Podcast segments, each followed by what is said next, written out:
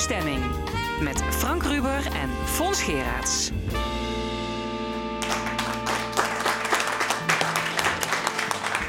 Zondag 19 januari, welkom bij De Stemming, het interview- en discussieprogramma van L1 Radio. Zoals iedere week vanuit Café Forum in Maastricht. We zijn er vandaag tot 12 uur en dit zijn de gasten. Jos Kusters, ex-bestuursvoorzitter van het Vista College over de studentenkrimp in het MBO. Marianne Thieme, oprichter van de Partij voor de Dieren, over haar boek Groeiend Verzet. En onze economieanalist Bart Verspagen over banken die stoppen met rente op spaargeld. En de live muziek is van singer-songwriter Maggie Day. Ooh, ooh, this ain't love, this ain't love. I wonder what is love, what is love. Ooh, ooh, this ain't love, this ain't love. Me this once and show me what is love.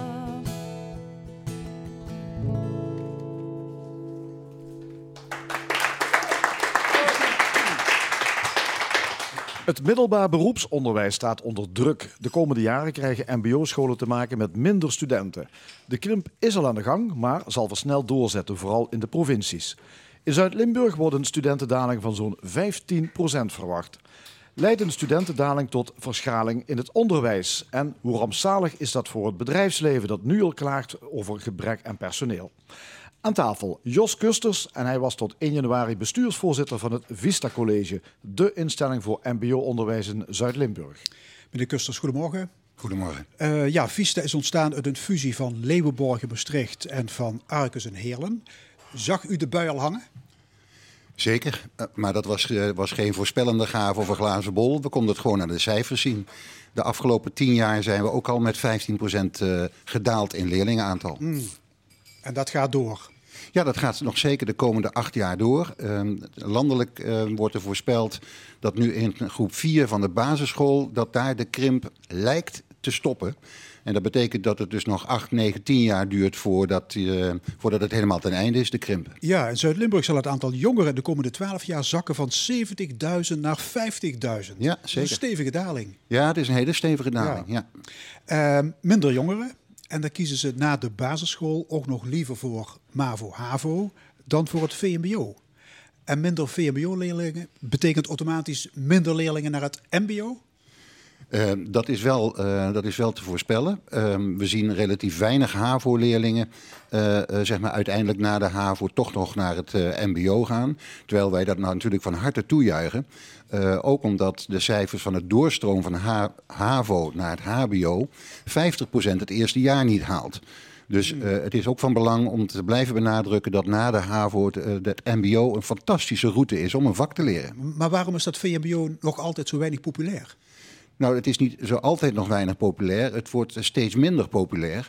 Uh, en dat komt omdat um, blijkbaar het imago van een, het vakmanschap um, uh, tanende is. Dus uh, dat neemt dus handwerk af. heeft een verkeerd ja, imago. Heeft, heeft een verkeerd imago. Maar de, de vraag is of mensen goed in de gaten hebben waar het echt om gaat. Ja. Want uh, ook in een ziekenhuis en, uh, en ook in de winkel en ook in de garage. En uh, dat is ook allemaal, allemaal MBO. Ja. En wat is de rol van de ouders bij de schoolkeuze van hun kinderen? Ja, daar zijn heel veel onderzoeken naar gedaan. Um, de ouders hebben natuurlijk invloed. Um, al heel lang. Hè, op de, als, je, kijkt dat uh, jongeren rond de 13, 14 al een keuze moeten maken. Wat overigens heel erg vroeg is. Uh, dan zit daar toch wel een belangrijke stem van de ouders in. Wij hebben um, nou, ongeveer 600, 700 ouders onderzocht voordat we gingen fuseren. En hebben we bevraagd over wie bepaalt nou welke opleiding uw zoon of dochter gaat doen. En dan is het de zoon of dochter.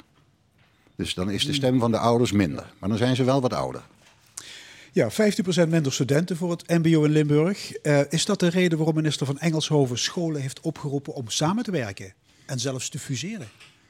Ja, nou ja, um, dat, is, dat is denk ik de reden. Um, het is natuurlijk niet iets van, van vandaag. Dus goed dat de minister de aandacht van vraagt. Maar, maar het was toch al uh, tijden aan, uh, zit het eraan te komen. Dus zij wilde dus urgentie... een beetje laat eigenlijk met de oproep. Nou ja, goed, ze wilde urgentie wat opvoeren. En dat snap ik ook. Uh, want op het moment dat je besluit eh, om toch eens gaan na te denken over een fusie, duurt het nog zeker twee, drie jaar voordat je daadwerkelijk gefuseerd bent. En dat is, dat is al snel. En voordat je daar dan de effecten van bent, ben je weer vijf jaar verder. Dus eh, het is wel eh, het dak repareren in de zomer en niet wachten tot het regent. Want minder studenten betekent minder geld. Dat betekent dat je moet snijden in het aantal opleidingen. Docenten eruit. Kortom, verschaling en minder kwaliteit. Ja, absoluut. zo simpel absoluut. is Zo simpel is het. Ja, zo simpel Ja. is het. Het plan om Leeuwenborg en Arcus, hè, om die te laten fuseren. Kwam dat plan uit uw koker? Nou, succes heeft heel veel vaders en moeders. Dus eh, uiteindelijk waren we er met z'n allen aan toe. Ja. Ja, dat is een beetje een... Ja, vindt u hem te cryptisch? Het is wat cryptisch. Maar het is nooit wat, wat, iemand, alleen, eh, wat iemand alleen verzint. Nee. Ehm, er zijn ehm, al jaren geleden hebben gemeentes alles geroepen van eh, wat onhandig dat er twee ROC's op 30 kilometer afstand van elkaar zitten. Zou je niet eens wat meer samen gaan doen. De provincie heeft dat ook al eens gezegd. De bedrijven hebben het gezegd, onze eigen docenten. Dus het is eigenlijk al eerder ontstaan, maar we hebben nu wel doorgepakt. ja, en viel het plan in goede aarde? Ik was er meteen draagvlak of was er toch de nodige vrevel en, en ongenoegen? Nee, er was geen vrevel en ongenoegen. Er was wel koudwatervrees. En dat snap ik ook heel goed. Want een fusie lijkt dan alsof je dan heel groot wordt. En dat de persoonlijke aandacht verdwijnt. Nou, dat is zeker niet aan de orde. Want de fusie is juist bedoeld om het groot te organiseren, maar vooral klein aan te bieden. Dus dat eh, alle opleidingen in het eh, Zuid-Limburgse overeind blijven. eh, en dat het niet één grote fabriek wordt. Groot aanbieden, maar nee, groot organiseren, klein aanbieden. Ja, ja, ja. Dus dat betekent dat, dat we niet allemaal naar één heel groot gebouw gaan, ergens in het midden van Zuid-Limburg. Maar dat de negen vestigingen die we hebben open zullen blijven. Dat elke leerling ehm, zeg maar van een opleiding een herkenbaar docententeam om zich heen heeft van, eh, van 10, 15 docenten. Dus dat wordt allemaal niet onherkenbaar. Integendeel, dat wordt heel klein en herkenbaar. Op 1 september zijn jullie begonnen. Hoe zijn de eerste ervaringen? Ja, de eerste ervaring is, wij zijn op 1 september formeel begonnen. We zijn eigenlijk op 1 januari begonnen. eh, door alle ondersteunende diensten, dus eh, de, de, de, de personeelsdienst en de financiële dienst en de gebouwendienst. Om dat allemaal al in elkaar te voegen. Dus dat is al gebeurd. Ja, nu moeten mensen eraan wennen dat, eh, dat we wat nieuwe systemen en processen hebben. En dat we samenwerken met de collega's van, van, Ja, vanuit er Heerlen en enige animositeit. Hè? U kent dat tussen Heerlen en Maastricht. Is dat toch ja, en die in- culturen goed? Ja, in de zekere zin. Wordt dat heel erg overdreven? Nou, bij voetbal is dat erger, geloof ik. Maar, maar in het onderwijs, eh, op het moment dat je onderwijsmensen eh, bij elkaar zet, ook al komen ze uit een andere stad, en het gaat over onderwijs, dus het gaat over de student, dan hebben ze dus exact dezelfde passie. Dus die vinden elkaar direct. Kijk, als je vraagt, ga je dan ook verhuizen van de ene plaats naar de andere? Dat is ingewikkeld. Hoeveel studenten hebben jullie nu? We hebben ongeveer eh, 15.000 eh, studenten en daarnaast nog eens een keer 2000 cursisten.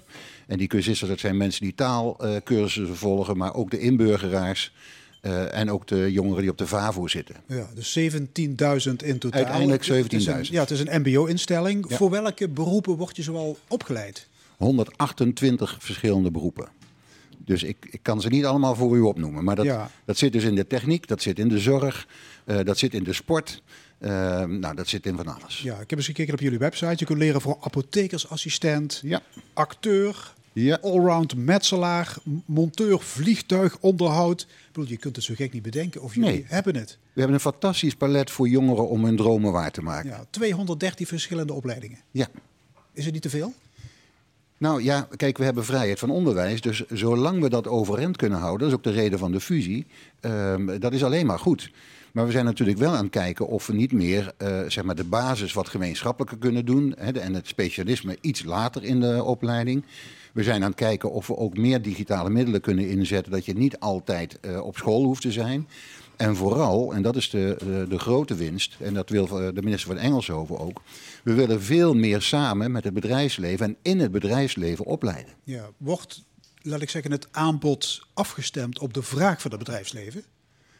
Eh, ja en nee. Ehm, dat is waar mevrouw Thiem het volgens mij straks met u ook over gaat hebben. Over die eh, hele grote economische prikkel. Ehm, het bedrijfsleven verwacht van ons dat als er heel veel mensen voor zorg nodig zijn, dat we acuut meer mensen voor zorg gaan opleiden. Maar zo zit het helaas niet in elkaar. Eh, er zit geen aan- en uitknop op het onderwijs. Het is niet zo als je heel veel banen nodig hebt dat wij dat wel even opleiden. En als er een recessie is, dat wij dan tegen jongeren zeggen: je mag niet de zorg in. Dus het is niet zo als er een acute vraag is naar, ik noem maar wat, ICT'ers of apothekersassistenten, dat u er meteen werk van gaat maken. Ja, we Zo- maken er wel werk van, dus we proberen dat wel te stimuleren. Maar dat wil niet zeggen dat we andere opleidingen gaan stoppen, omdat er dan zogenaamd meer mensen naar ICT zou gaan. Want zo zit het niet in elkaar. U bent niet de marionet van het bedrijfsleven. Nee, nee, maar we hebben natuurlijk wel een belang dat onze studenten die een diploma hebben, dat die ook goed terechtkomen. Ja, want u leidt ook niet op voor de kaartenbak. Nee, Werknemers die moeten tegenwoordig steeds nieuwe vaardigheden aanleren, hè, omdat technische ontwikkelingen tegenwoordig heel snel gaan. Kun je zeggen dat de lesstof dus ook permanent wordt aangepast ja. op het Vista College? Ja, dat, dat moet echt. Dat moet echt. We zien dat we ehm, eh, jaren geleden, tientallen jaren geleden, was er nog enige rust in, dat, eh, in, de, in de inhoud van het programma. Maar door de, door de steeds sneller op elkaar volgende technologische veranderingen, onder andere, maar ook sociaal-maatschappelijke, eh, ontkomt het onderwijs er niet aan om zich aan te passen. En dat betekent voor docenten betekent dat nogal wat. Die moeten zeg maar meeademen met, met, die, met die veranderingen. Eh, en dat gaat natuurlijk, eh, soms is dat gemakkelijk en soms is dat ook ingewikkeld voor ze. Ja, de Wetenschappelijke Raad voor het Regeringsbeleid constateert in een pas verschenen rapport dat veel ziekteverzuim wordt veroorzaakt door het werk. Ja. Ze hebben het over een percentage van 50 procent. chauffeurs bijvoorbeeld, die krijgen te maken met drukte op de weg, komen te laat bij, bij, op de plaats van bestemming, krijgen ruzie met klanten en met de baas. Ze worden ook nog eens permanent gemonitord. Moet je MBO-studenten daar allemaal op voorbereiden? Ja, dat, dat, vind ik, eh, dat vind ik wel een opdracht. Eh, dus de vraag van eh, waarom worden mensen nou ziek op het werk, dat is een hele ingewikkelde. Daar zitten heel veel oorzaken aan. Ehm, maar het is wel, even terug naar, naar, naar, naar mijn historie, zeg maar. Mijn vader, die komt nog uit, een, uit de generatie dat je 40 jaar bij een baas werkte. Hè, dan ging je voor die gouden horloge en dan, eh, dan, dan kreeg je daar een mooie oorkonde mee. Ehm, ik ben van een generatie dat we al vijf, zes banen in onze eh, carrière hebben. Maar de toekomst is, is dat, dat mijn kinderen, en die zijn nu eind twintig, dat die de komende, in hun arbeidszame carrière zeker 15 werkgevers zullen krijgen. 15, 15? werkgevers. Dus ze zitten er korter, ze zitten er meer in deeltijd.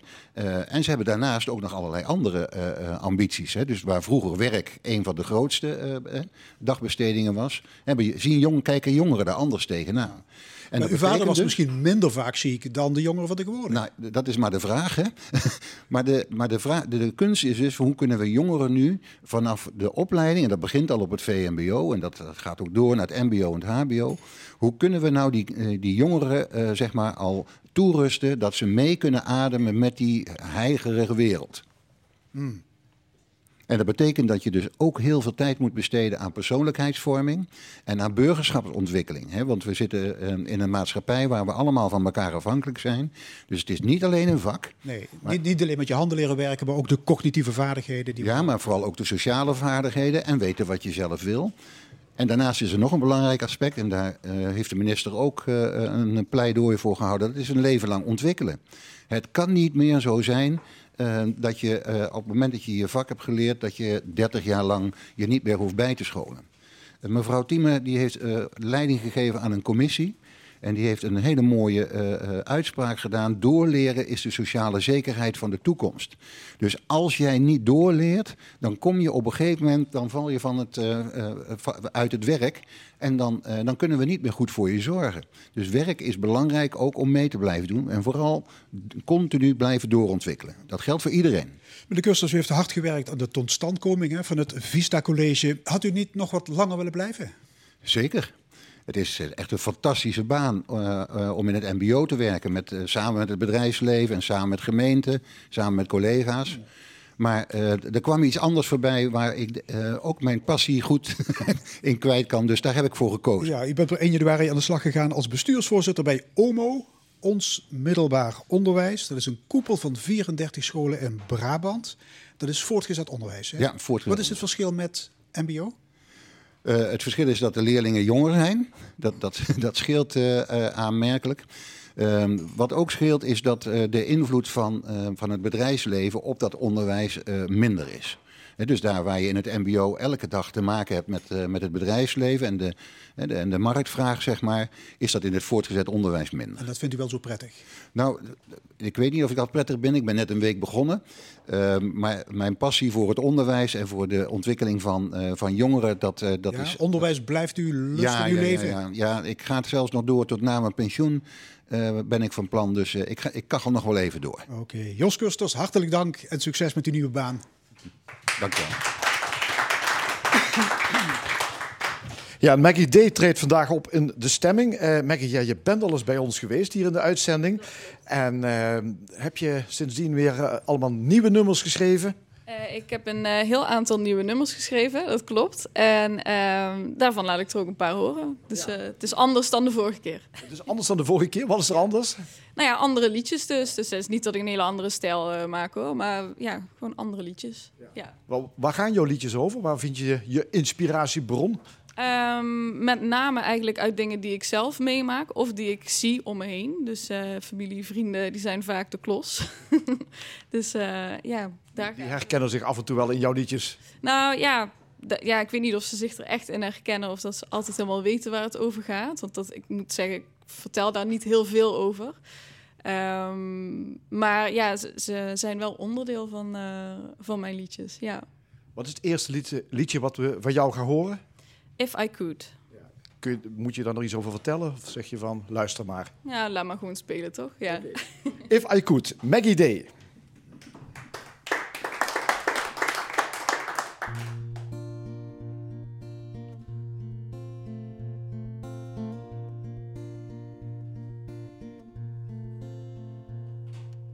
All beauty is faded. The only thing I ask myself is why. It's so complicated. You build yourself a wall full of lies. Baby, I can do what you ask of me. Otherwise, I'll lose my energy. Believe me, if I could, I'd do it right away. It's true, there will be a sunny day.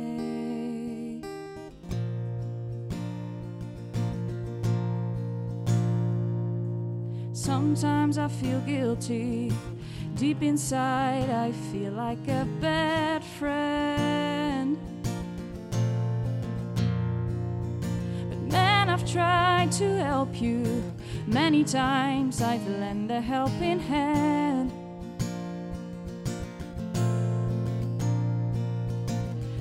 You see the dark makes you sink deeper? I can't convince you you're holding on to this. I have always thought you were a keeper. If I knew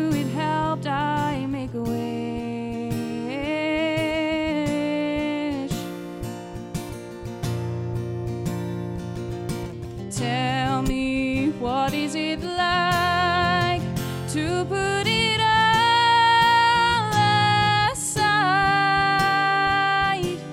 The grass will not be greener, the world will become meaner when you don't fight. But I'll be alright.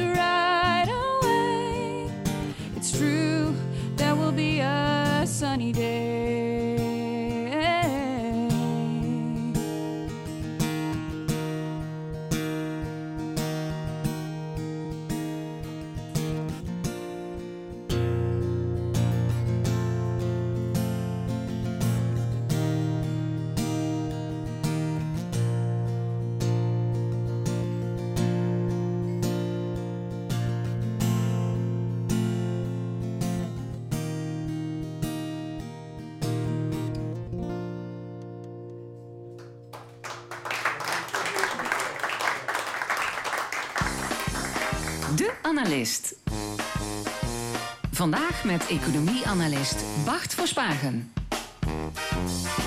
Ja, maar helaas is Bart om een of andere reden nog niet komen opdagen. Maggie eh, D. Mag ik jou vragen om nog een nummer te spelen voor ons?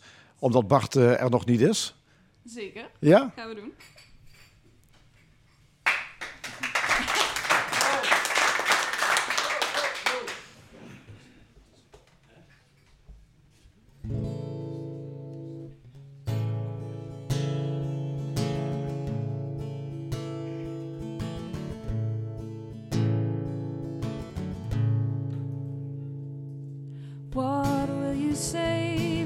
Final day arrives? And if you knew we'd have to tell each other sweet goodbyes, oh, could that be the moment you would dare to let me see what you really, really think of me?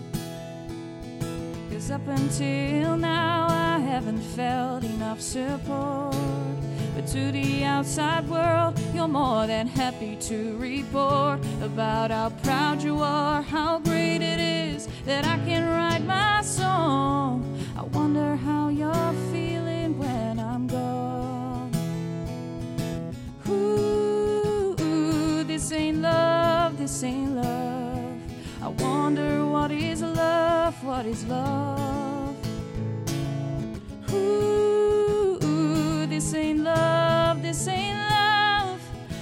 Help me this once and show me what is love.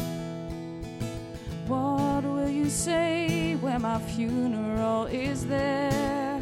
Would you say a word, or do you even care? I am sure that if you would, you'd be trying to pursue the perfect picture of how they think we were.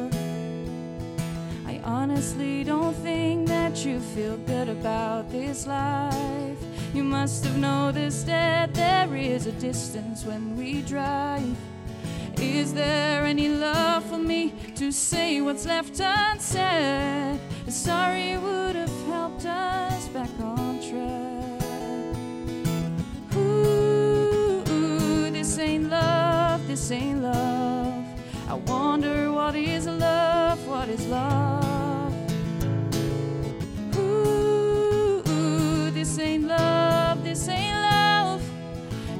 This once and show me what is love. Ooh, this ain't love, this ain't love. I wonder what is love, what is love. Ooh, this ain't love, this ain't love. Help me this once and show me what is love.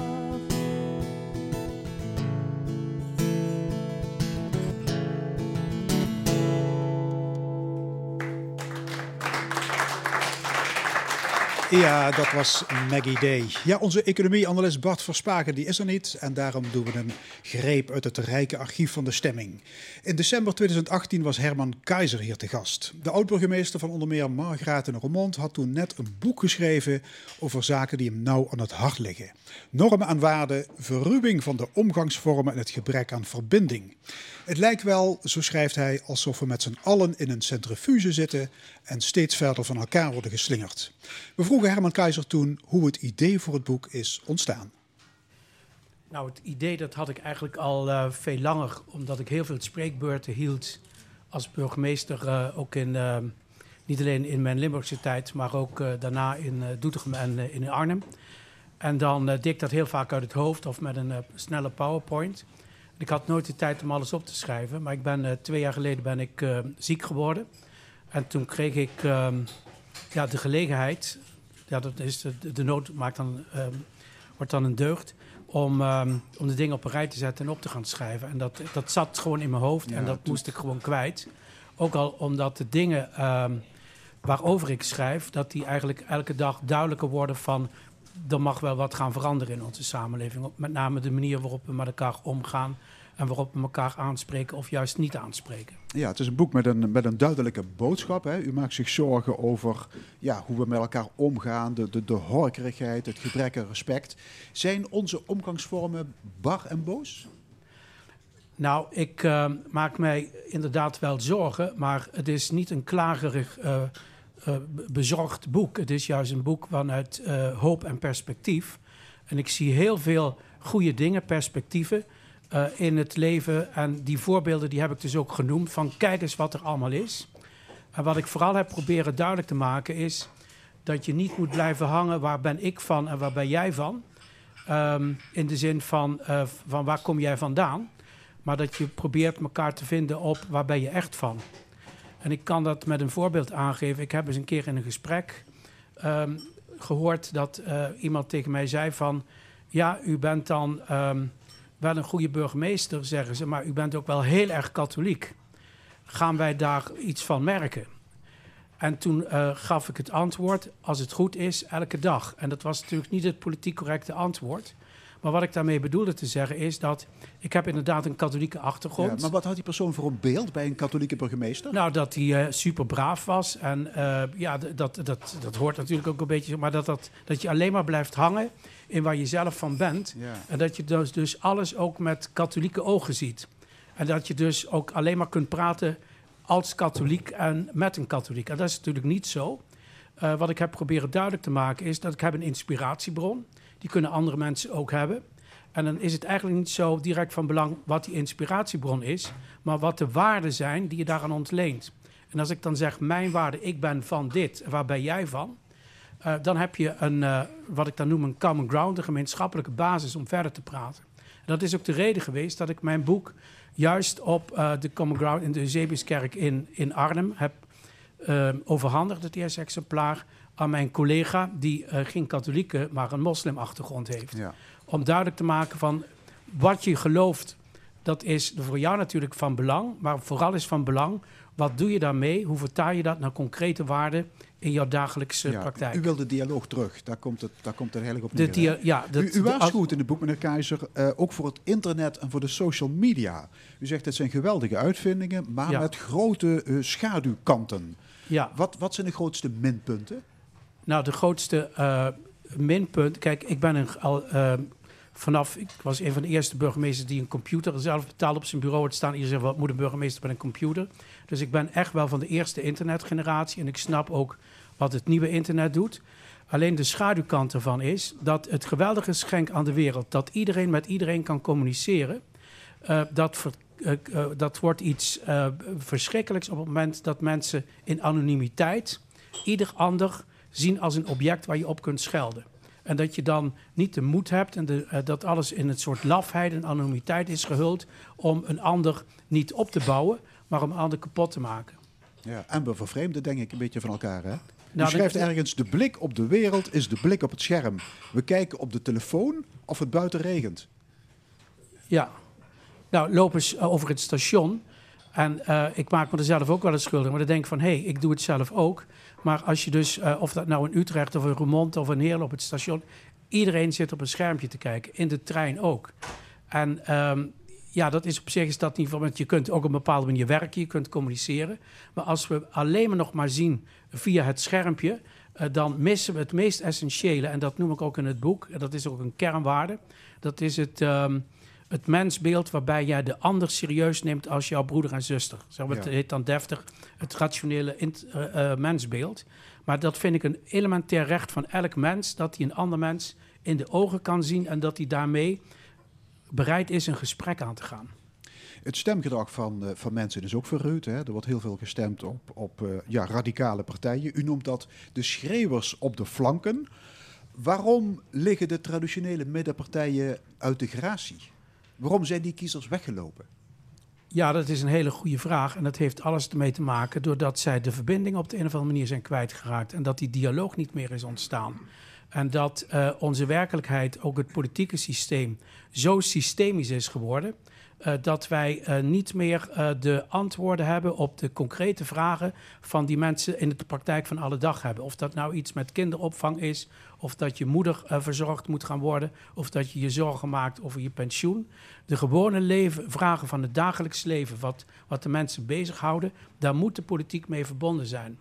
En ik wil niet terug naar de romantiek en de spruitjes van de jaren 50. Maar het was wel, en ik beschrijf dat ook. ehm, want ik, dat is mij zeer kostbaar, zoals ik in de mijnstreek in Spekkelsheide ben opgegroeid. De gemeenschapszin, de mensen die, die kennen elkaar allemaal.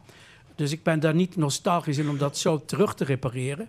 Maar wat we wel eh, daarvan kunnen meenemen, dat is het contact dat je altijd deel maakt, uitmaakt van een gemeenschap, waar je met je vragen en problemen terecht kunt en waarbij ook de oplossingen van anderen nabij zijn. En het terugbrengen van die nabijheid, ook van de politiek, dat is essentieel om het vertrouwen in de politiek terug te krijgen. Ja. Maar het CDA is uw partij. Eh, ik, ik vind Buma erg rechts eh, de laatste tijd. Nou, ik heb daar vorig jaar ook eh, een artikel over gepubliceerd. Dus mijn standpunt daarvan is volstrekt duidelijk. Wij moeten niet blijven hangen in een soort historisch nationalisme, al dan niet uit een bepaalde provincie. Waar we voor moeten gaan is de warmte eh, die de politiek en de samenleving moet brengen. En ook met eerlijkheid. Je moet niet alleen maar achter mensen aanlopen omdat ze boos zijn. Want ze kunnen ook voor de verkeerde dingen boos zijn. Maar dan moet je ook eh, duidelijk zijn. En ik vind duidelijkheid en betrouwbaarheid... dat zal uiteindelijk de politieke stabiliteit van dit land ook beïnvloeden. ja, en de en leider van het CDA die gaat te veel de populistische toe op. Hoor ik u dat Ehm, zeggen? het is zondagmorgen en ik wil niet per se een zondagsrede houden over mijn partij. Maar ik weet wel dat in die partij ook heel veel eh, grondslagen voor vernieuwing zijn. En daar zie ik ook heel veel eh, goede tekenen voor. Daar ben ik van overtuigd. Uw boek is een, eh, ja, eigenlijk één groot pleidooi om de boel bij elkaar te houden. hè. Het gaat over normen en waarden, over gemeenschapszin. In die zin is het heel erg christendemocratisch. Maar u schrijft in de inleiding, dit is geen katholiek boek, wel geschreven door een katholiek. Ja, maar deze, die waarde van die gemeenschapszin, dat is nog een monopolie van katholieken, nog van christendemocraten, nog van Limburgers. Maar ik vind wel dat juist de Limburgers, die moeten, dat zit zo in onze genen. De gouverneur die heeft het altijd over de Limburgse ziel, om niet het woord Limburgse identiteit te gebruiken. Maar als ik zeg, wat ben je nou in je diepste zien? Eh, dan is dat zoals ik in Spekkelsheide ben opgegroeid in een gemeenschap met verantwoordelijkheid voor die gemeenschap. Je moet er iets voor doen, je moet bijdragen, maar je krijgt er ook iets van terug. En die eh, wisselwerking tussen persoon en gemeenschap, eh, dat is de kracht van, van Limburg. En dat is een beetje aan het wegvlakken en dat, dat, dat mag terugkomen en dat kan ook terugkomen. Maar dan moeten we het wel met z'n allen gaan willen en overal gaan doen en niet zeggen van ze zorgen er maar voor. En zeker niet de overheid moet daar maar voor zorgen. Gemeenschap bouw je met elkaar. Ja, maar u weet misschien nog dat premier Balkenende, die had het ook heel vaak over normen en waarden. En die werd daarover weggeroond. Dat Bent, bent u niet bang voor spruitjeslucht? Nee, want de spruitjes van nu smaakt trouwens veel anders dan die van 50 jaar geleden. Dat eh, moet je maar eens proeven. Dat kan je niet meer ver- vergelijken. Beter, beter of, Maar ze- of minder? Vroeger waren ze veel bitterder, nu zijn ze zoeter. Uh, maar je moet er natuurlijk wel van houden. Maar um, het, het, ik praat ook over Balkenende. En Balkenende heeft, is natuurlijk verguisd omdat hij het over de normen had. Ik vind het ook beter om eerst over waarden te praten. En hoe beleef je die waarden? Daar moet je ook deugden voor hebben. En nou, een van die deugden is hoffelijkheid. Gewoon de ander de deur open houden. Of als je onderweg bent van Roermond naar Maastricht. Als je gewoon kijkt wat er om je heen gebeurt. Rechts inhalen, uh, uh, afsnijden en weet ik wat. Nu heb ik nu gelukkig niet zelf uh, gereden. Maar ja. de ergernis die dat over en weer oproept. Ja. Wat je dat waren verkeer ziet, zie je ook in de Hollanders op de A2. Hè? Nou, ik ga niet zeggen wat voor nummerbord wat het was, maar uh, het, uh, we zijn een internationale provincie, dus dat. Uh, maar weet je, het is gewoon als je je stoort aan de ander en denkt van, nou, ik doe het maar net zo, dan krijg je inderdaad een soort verval. En als je zegt van, oké, okay, die gun ik een nieuwe kans, maar je moet de bereidheid hebben om ergens aan bij te dragen wat constructief is en positief is. Ja. Zou het ook kunnen, meneer Keizer, dat de menselijke maat is verdwenen door de ongebreidelde marktwerking, door privatisering van overheidsdiensten en dat soort dingen? Ja. Moet de conducteur niet gewoon terug en het loket van de bank? Ja, nou, een van de uitgangspunten van het boek, dat is wat dan met een wat moeilijk woord heet uh, subsidiariteit. Dat is eigenlijk het terugbrengen van um, de invloed die mensen kunnen hebben op een directe eigen omgeving. Geef ze daarvoor de ruimte. Die ruimte is essentieel dat mensen zichzelf en in hun gemeenschap kunnen ontplooien. En als ze voortdurend afhankelijk zijn van het inloggen met systemen die vervolgens het verkeerde of geen antwoord geven, of de deurwaarder op je afsturen, dat vervreemdt mensen. Daar raken mensen van vast. En dat uitgangspunt van subsidiariteit, dat is ook het onderwerp van mijn tweede boek, wat mijn proefschrift wordt. Ik uh, ben me aan het voorbereiden om te promoveren in Tilburg. eh, bij een pro- professor van Geest en professor Eiving, een theoloog en een econoom. Over welk Juist onderwerp? Over, ehm, dat gaat juist over het toepassen van dat onderdeel van de katholiek sociale leer op de economie. En dan begin ik bij Augustinus en ik eindig in deze tijd. Maar dat is nog een lange weg te gaan. Ik heb pas het eerste hoofdstuk klaar. Ja. Maar om te beginnen moet het elementaire fatsoen terug. Wat, wat zei uw grootvader ook alweer tegen u als jong manneke? Nou, die heeft heel veel dingen tegen mij gezegd. Maar Nou, ieder- zal ik het zeggen? ja? Zij immer heuflich. Want hij kwam uit Duitsland. Oh, zo, ja, ja, ja. Ja, nee, maar dat is inderdaad, dat is... eh, be- beide mijn grootvader waren bakker en kwamen net over de grens. En hoffelijkheid, dat is trouwens niet alleen, dan zeggen we, oh, dat is typisch iets voor Duitsers. Nou, dat is natuurlijk flauwekul. Hoffelijkheid is gewoon van alle fatsoenlijke mensen. En zeker ook in Limburg. En eh, daar kunnen wij het voorbeeld mee geven. Ja. En eh, ik heb wel eens meegemaakt, van, want zo ben je opgevoed, dat als je een dame een bezoek uitlaat, dat je de jas aanreikt, ook als je burgemeester bent. En dat mensen je aankijken zo van, wat doet hij nou? Ehm, dat was nog voor de MeToo-discussie trouwens. Maar, eh, eh, maar het is gewoon fatsoen dat je een dame in de jas helpt en dat je de deur open houdt. En eh, als je dan zegt van, oh, dan heb je weer zo'n zo'n zo'n zo'n ouderwetse, dat, ja, dat is dan jammer. Maar dat komt ook terug. Ik ben ervan overtuigd dat mensen daarnaar verlangen, omdat ze weten dat we er met elkaar plezierig van gaan leven. En meer zin in het leven krijgen. Herman Keizer in de stemming van december 2018. De voormalige burgemeester van onder meer Roermond en Arnhem sprak over zijn boek In Waarde Verbonden. En zo dadelijk in de stemming Marianne Thieme, boegbeeld van de Partij voor de Dieren. Ze schreef een boek Groeiend Verzet. Dat dadelijk, maar eerst singer-songwriter Maggie Day. Dit is My First, My Only.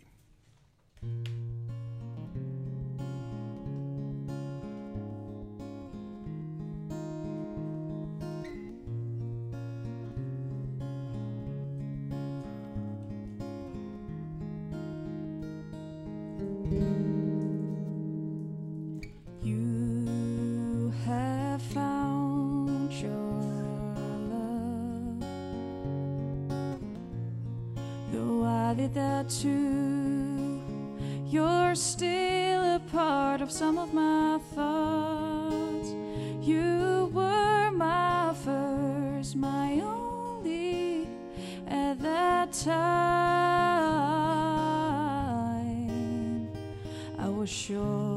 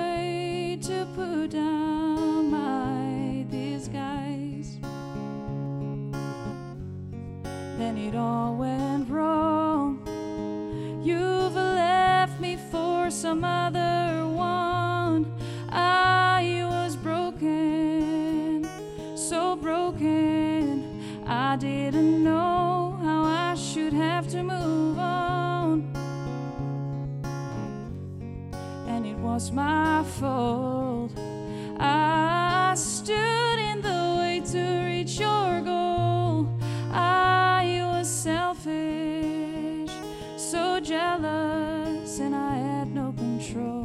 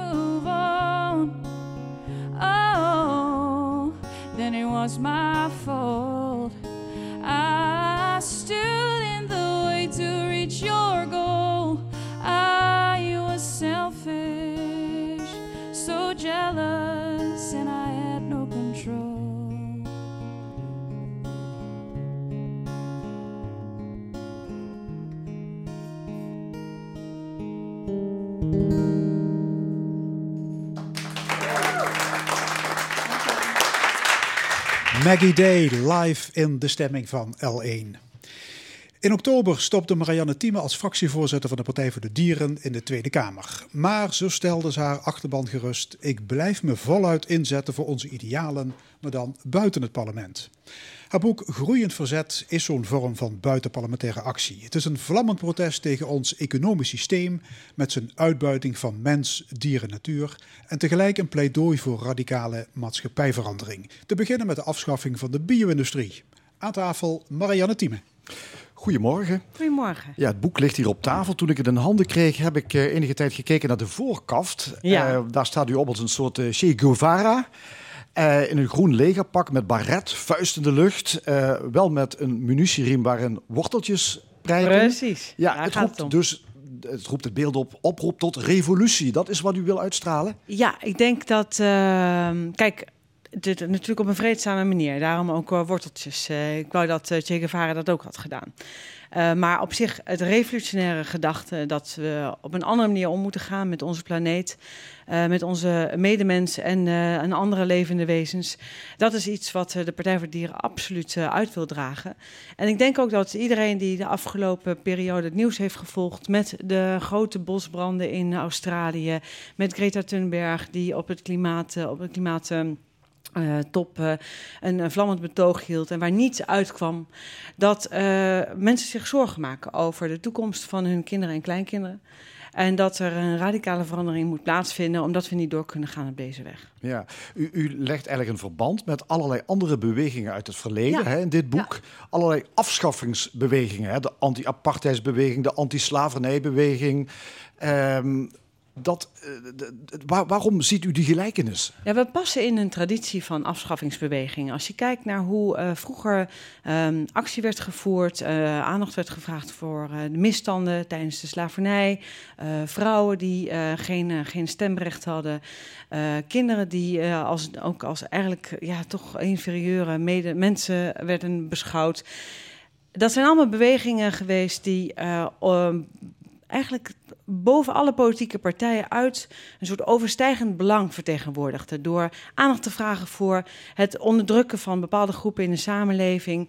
Eh, dat, eh, dat is iets wat wij ook doen, alleen wij kijken voorbij onze eigen soort. En eh, wij zeggen, als je werkelijk echt een beschaving wil hebben in de samenleving, dan, dan valt dat natuurlijk af te lezen aan de wijze waarop je met de allerkwetsbaarste, de stemlozen, omgaat. En dat zijn de dieren die altijd maar weer vergeten worden. Ja, en, en een gelijkenis is dan ook dat al die bewegingen in eerste instantie worden die genegeerd Ja, ja en dan geridiculiseerd. ja.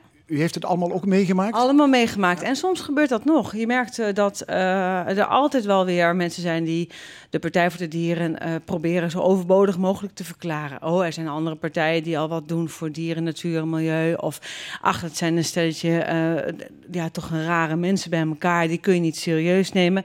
Maar gelukkig zijn er steeds meer mensen die zien dat als je voorbij je eigen belangen durft te denken, voorbij je eigen korte termijn, met name financiële belangen dan, dan gaat er een wereld voor je open en dan verrijkt het juist je leven om te kijken naar hoe andere levende wezens hier op aarde leven en die vaak veel duurzamer eigenlijk hun leven inrichten dan wij en dat we er heel veel van kunnen leren.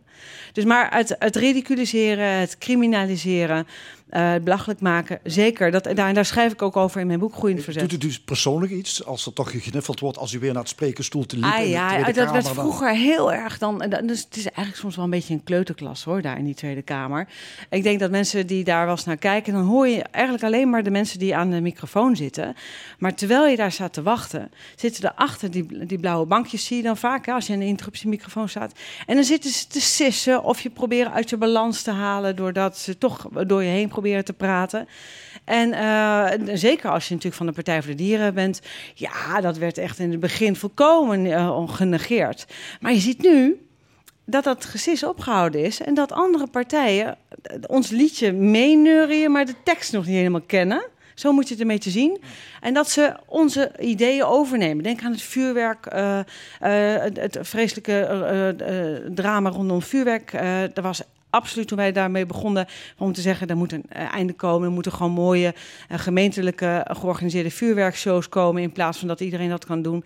Daar was absoluut geen meerderheid voor en nu is er opeens een meerderheid. Dus je ziet dat, daar, dat we een aanjaagfunctie hebben. Ja, wat u schrijft in het boek ook, het gaat ons niet om de macht Het gaat om invloed. Precies. Le- Leg eens uit. Dat is een groot verschil. We, we zijn denk ik allemaal een beetje opgevoed met van ja, eh, politiek dat betekent vooral eh, dat je in coalities moet gaan zitten.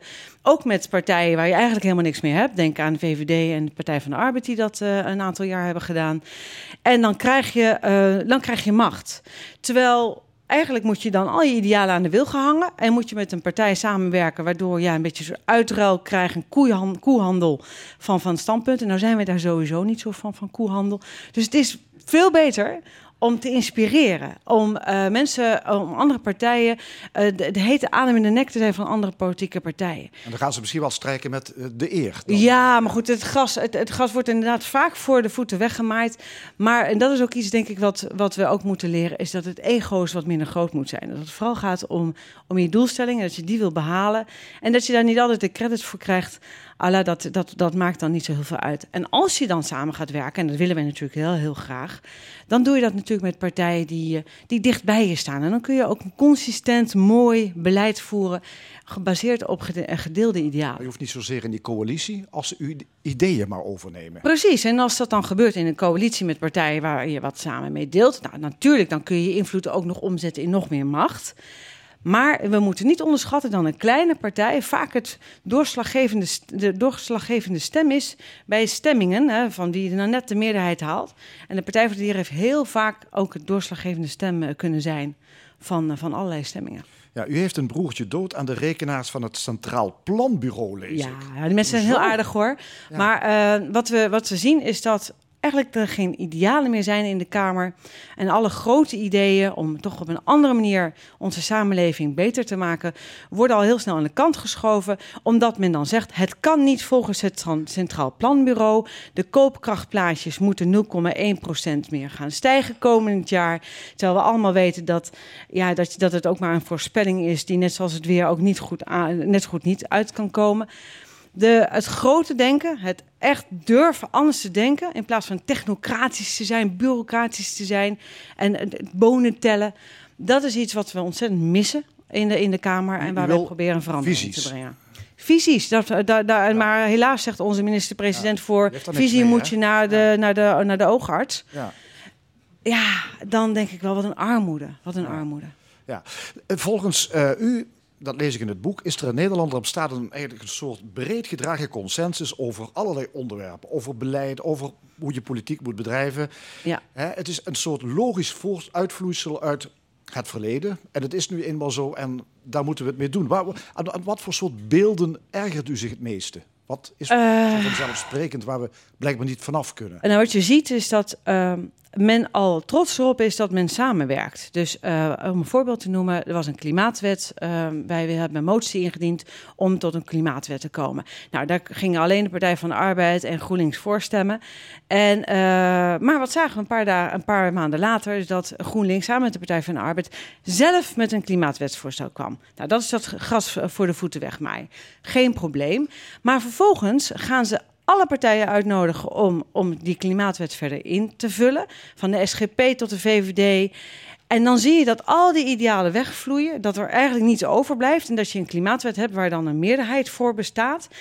Gaan ze de boeren op en zeggen ze: geweldig, wij zijn goed bezig. Dus de mensen denken thuis: nou, ze zijn daar lekker bezig daar in Den Haag. Maar kijk je naar wat het werkelijk is, dan, dan moet je concluderen dat de keizer geen kleer aan heeft. Maar ze zijn zo trots op het samenwerken dat dat eigenlijk ten koste gaat van de inhoud. Ja. En nou, dat, is onze taak om dan te vertellen: de keizer heeft geen kleren aan. Deze klimaatwet stelt helemaal niets voor.